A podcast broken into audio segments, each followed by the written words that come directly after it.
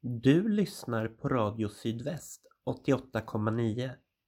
Du ska nu få höra en sändning från Brännkyrka församling. Ansvarig utgivare är Gustav Frosteblad och bibeltexterna är från Bibel 2000, copyright Svenska Bibelsällskapet. Kom ihåg att Brännkyrka församling också finns som podcast och du hittar oss där de flesta podcasts finns.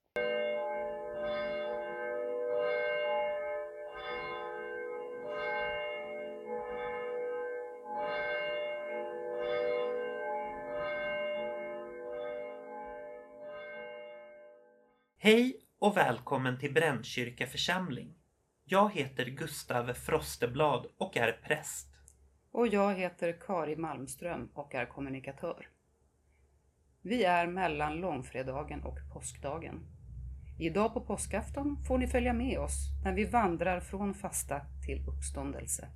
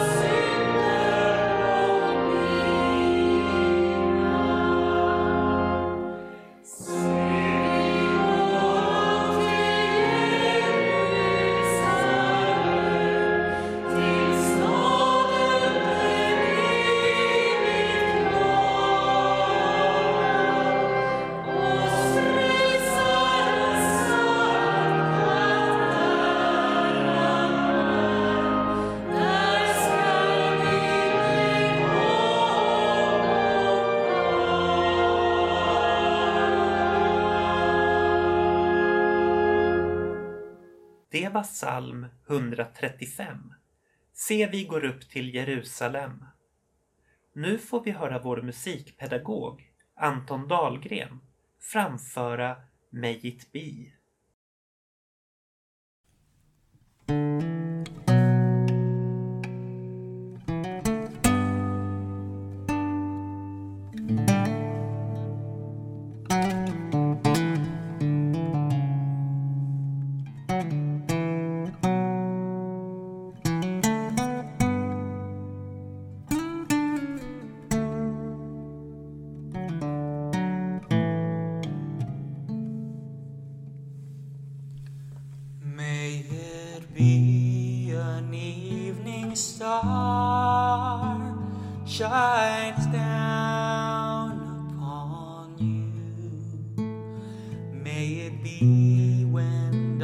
Darkness falls, your heart will be true.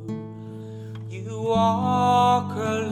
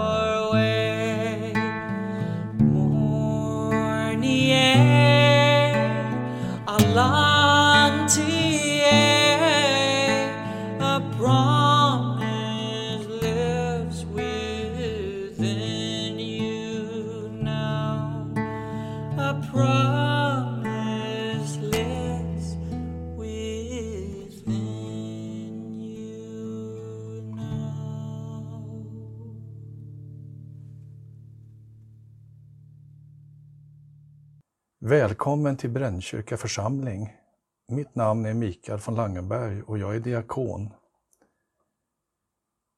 Vi lever nu i påsktid och har lagt fastetiden bakom oss. Men frågan är om vi verkligen har gjort det. För där vi nu befinner oss, det är en så märklig tid där en pandemi så radikalt har fått greppet om oss. Den har nu pågått i drygt ett år. Förra året var det som om påsken kom av sig. På många platser ställdes gudstjänsterna in. Det var som om att uppståndelsen aldrig kom. Som att fastan inte bröts. Den tog aldrig slut och på ett sätt pågår den fortfarande. Man kanske kan säga att vi har levt i en ofrivillig fasta under hela det senaste året. Vi har ju fått avstå från väldigt mycket. Mänsklig närhet, bekvämlighet, nöjen och samtidigt har vi upplevt mycket lidande. Tankar om mening i allt det här lidande har förstås väckts. Det går inte att komma ifrån. Vi människor är meningssökande varelser och vi vill förstå vår verklighet. Och därför tror jag att det är rimligt att söka mening och svar när vi drabbas. En levande tro kommer alltid att bli utmanad, tänker jag. Hur vet vi att Gud bryr sig? Hur kan vi förstå ondska och lidandet? Det här är vanliga frågor som många ställer sig. Jag tror att vi måste tala sant om livet, om smärtan, oron och ängslan, men också om människans värde och hoppet. I år är det som om en trotsig påskdag knackar på vår dörr och vill in. Ett uppståndelsehopp som vill bryta sig in och rakt igenom det där kompakta mörkret vi upplever. Ett rop som vill bli lyssnat till. Men hur ska vi våga ge upp den där skyddande manteln av besvikelser, lidande och pessimism som många av oss bär på i dessa tider? Men det är just det som är själva grejen. Mitt i mörkret, det är där han föds och det är där han uppstår. Mitt i mörkret, det är där Gud kommer oss till mötes. Som en fladdrande, flämtande ljuslåga. Där det tycks som mest omöjligt, som mest förtvivlat, det är där Gud väljer att komma oss nära och räcka oss sitt liv.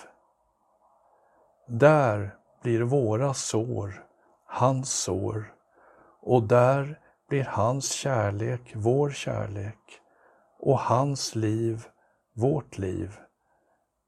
Genom mörker till gryningsljus, genom smärta till frid, genom död till liv. Det är påskens mönster, men också våra livsmönster. Men var kan vi då skönja hoppet? Det går aldrig att framtvinga ett hopp, men kanske är det möjligt att försöka skapa förutsättningar för att något ska kunna växa fram. Jag tänker på den kärlekskraft som en gång bröt fram efter påskens händelser och Jesus uppståndelse och som på ett mycket märkligt och gåtfullt sätt ledde till att en liten skara människor till att börja med förmådde ta sig an den tidens utmaningar som de stod inför. Och det slår mig vilken brist på kontroll som präglade livet för de första församlingarna. De gjorde så gott de kunde och gjorde det som de trodde var bäst. Precis som vi under den här svåra tiden så var de hänvisade till samarbete, att kunna lita på varandra och att lita på Gud. Årets påsk får vara en tid när vi med uppståndelsens kraft får ägna oss åt att stå ut och odla vårt hopp medan vi väntar på påskdagens slutliga befrielse från pandemin.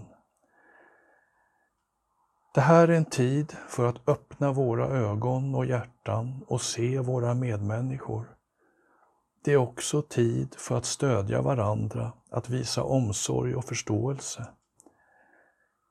All den osäkerhet som de första kristna upplevde, det drev dem till bön. Det vi nu genomlever kallar också oss till att be för de drabbade, för beslutsfattare, för vårdpersonal och alla andra som jobbar hårt. Men vi måste också be att det ur allt lidande och kamp ska resa sig en klokare och mer eftertänksam mänsklighet. En mänsklighet som med kraft förmår ta sig an de utmaningar som vår värld står inför. Står inför. Låt oss be. Fader, på korset så bad din son med orden Min Gud, min Gud, varför har du övergivit mig? Jag vill be för alla människor runt om i världen som säger de orden nu. de som känner en djup övergivenhet. Fader, i Jesu Kristi namn och i kraften av din Ande ber vi dig komma och vara tillsammans med dem. Var med oss alla, ge oss kraft, mod och hopp. Amen.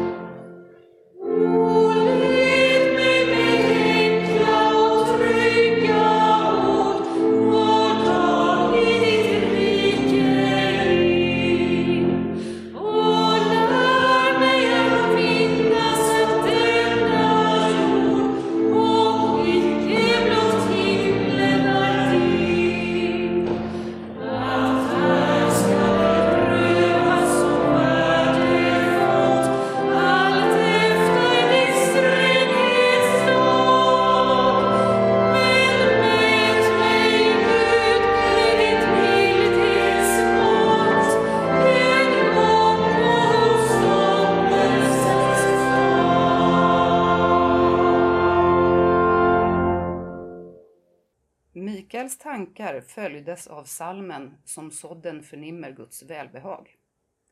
Vi vandrar vidare mot uppståndelsen med Johann Sebastian Bachs Herzlich tut mich verlangen och därefter psalm 45 Jesus för världen givit sitt liv.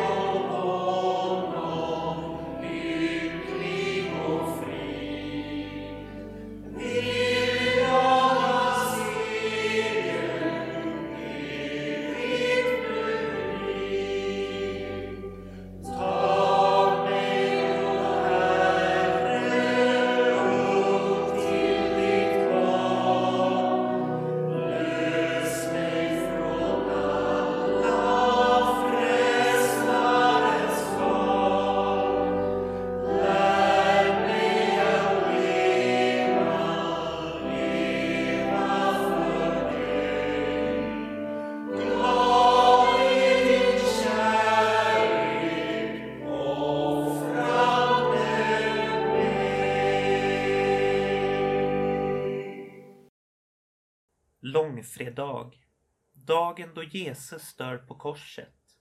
Dagen då Jesus offras för mänsklighetens synders skull.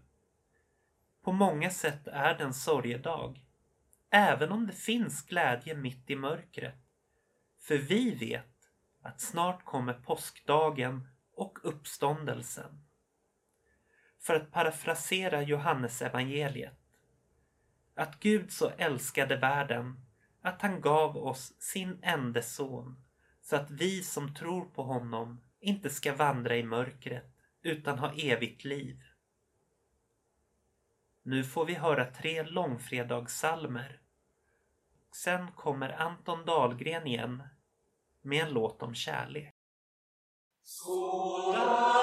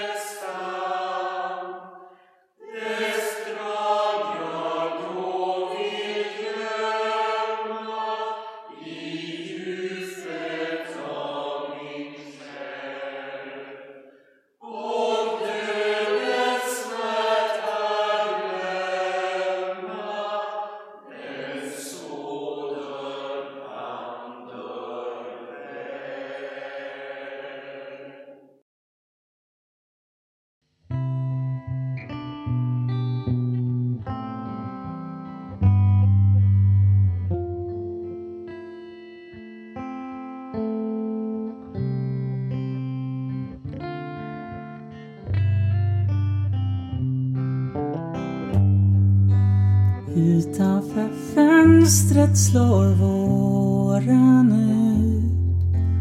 Marken blir grön igen. Allt som var dött väcks till liv.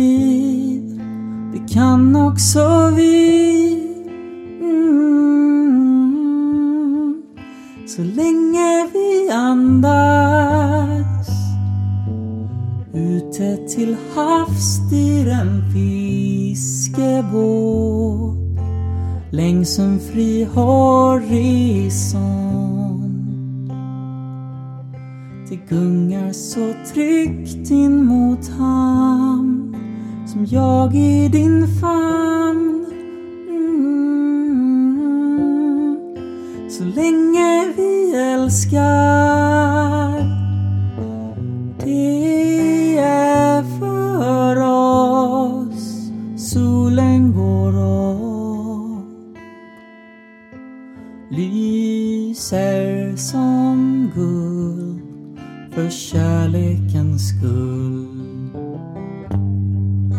Solen går upp så oskuldsfull lyser på oss för kärlekens skull. Högt på ett berg står en katedral blickar upp mot skyn. Men det är för himlen i dig och jorden i mig. Mm. Vi älskar varandra. Det är för oss.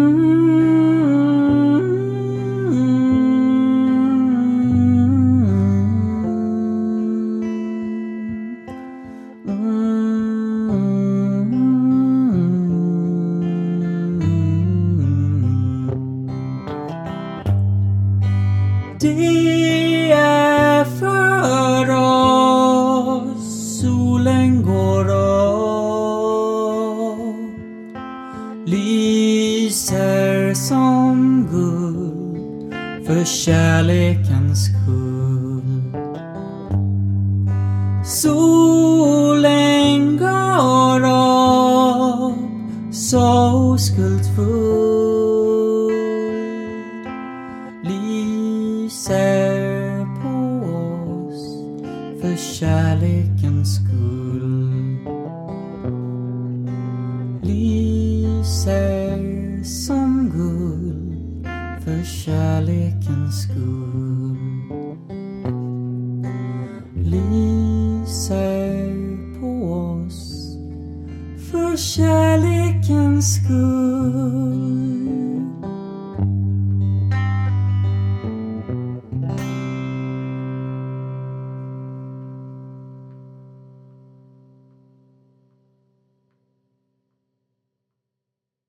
heter Cecilia de Mendonça och jag är präst i Brännkyrka församling. Vi lämnar fastan, en tid av avhållsamhet, för att få mer tid i bön tillsammans med Gud. I stilla veckan följer vi Jesu lidande. Ja, på lidandets väg, via Dolorosa, får vi ta oss tid att tänka efter på hur Jesus sista dagar i livet var. I passionsberättelserna finns tid för eftertänksamhet och meditationer. Men Jesus själv, han hade inte en stilla vecka. Nej, tvärtom. Där och då var fokus på honom i staden Jerusalem. Där var folket samlat för att invänta den stora högtiden, påsken. Och Jesus tog tillfället i akt och lät rensa templet. Ja, där och då körde han ut alla som sålde offerdjur och alla som sköt, skö, skötte växlingen till den speciella tempelvalutan. Och hela tiden befann sig Jesus i hopen av provokatörer som försökte få honom att försäga sig så att man kunde arrestera honom, ja för det var målet just denna påsk. Under skärtorsdagen Långfredagen och påskafton når Stilla veckans lidelsedrama sin höjdpunkt. Händelserna inleds med skärtorsdagens sista måltid. Den som också blev den första nattvarden. Lärjungarna med Jesus fortsätter med gripandet av Jesus i trädgården där lärjungarna med Jesus sover efter festmåltiden. De går vidare till Getsemane som var den stora trädgården i utkanten av staden Jerusalem. Och där var det brukligt att man kunde vila sig.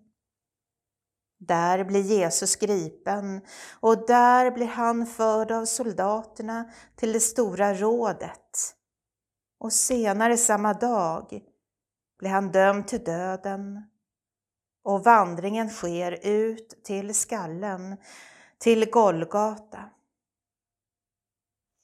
Via Dolorosa, lidandets väg, det kallar man vägen ut till Golgata, till avrättningsplatsen, där en påle väntade på att Jesus skulle komma med tvärbjälken. Och sedan skulle han bli fastspikad på den. På denna vandring möter Jesus människor och han tappar bjälken några gånger. Vägen är kantad av stadens alla människor som skriker att han nu ska korsfästas. Ja, miljön måste ha varit kaotisk och hetsk, kan jag tro. Väl framme på Golgata väntar två tjuvar på honom. De är redan fastspikade och blir nu med Jesus sista andetag i detta livet. Eftermiddagen på långfredagen leder oss till att en lång spänd väntan råder över påskafton. Tystnad och mörker omger världen.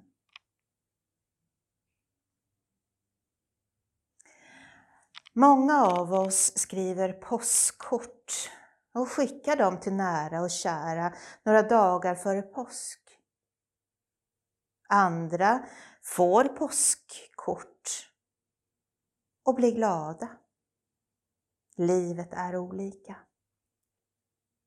Många av oss uppskattar att påsken kommer till oss.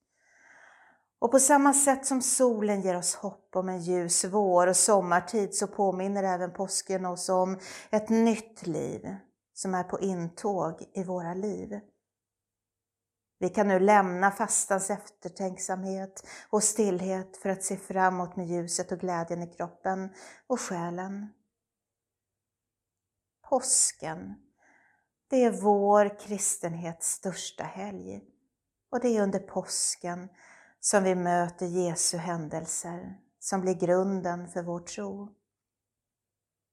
Genom uppståndelsen som skedde där på påskdagen så förstod lärjungarna att Jesus, deras ledare och följeslagare, inte var vilken mirakelgörare som helst, utan en helt unik varelse.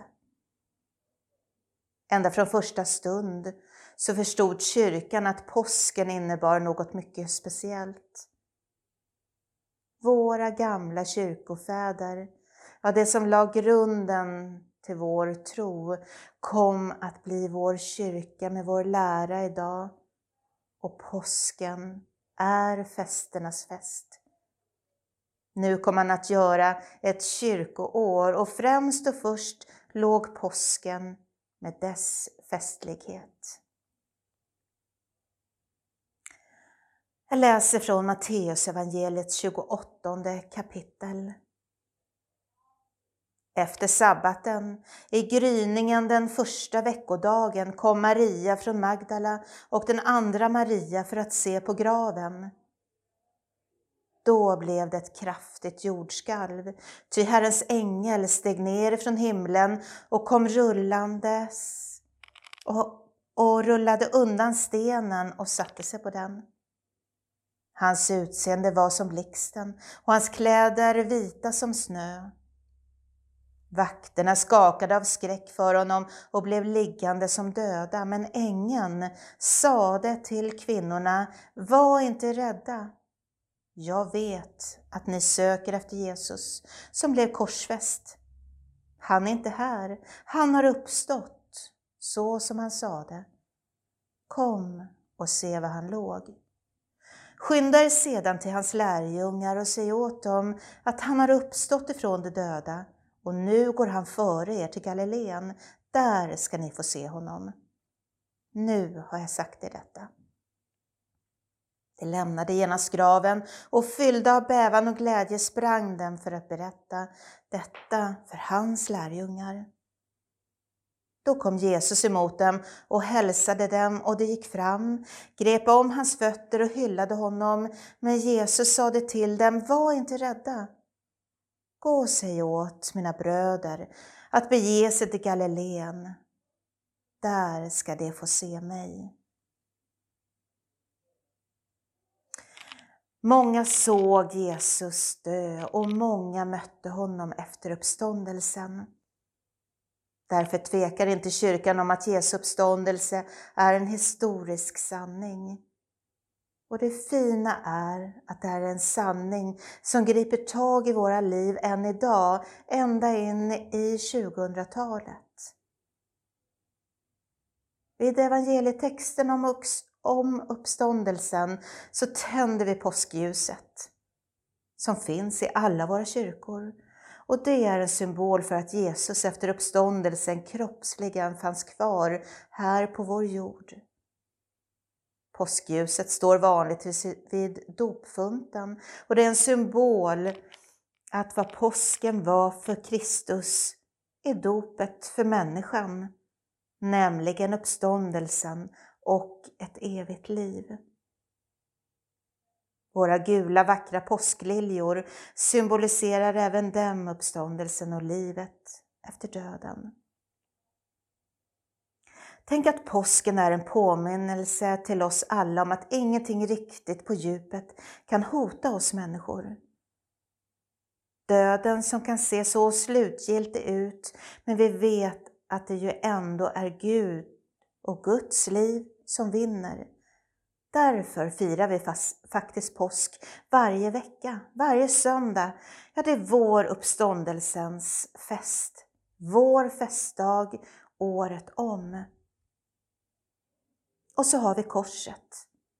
Många av oss tror att korset är dödens symbol, men i kyrkan är det ju tvärtom. Det är livet som återvänder, alltså uppståndelsen. Påskens tecken som många av oss bär runt halsen. Så en glad påsk önskar vi er alla ifrån Brännkyrka församling.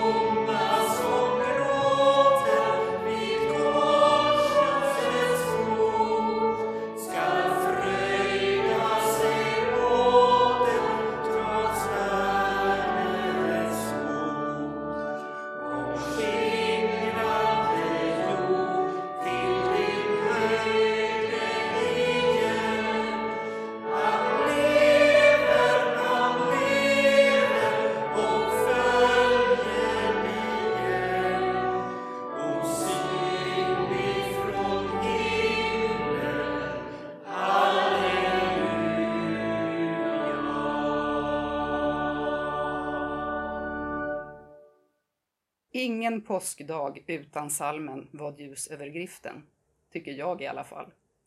Påskdagen är glädje, som många av salmerna uttrycker. Det gör också nästa, Livet vann, dess namn är Jesus, nummer 153.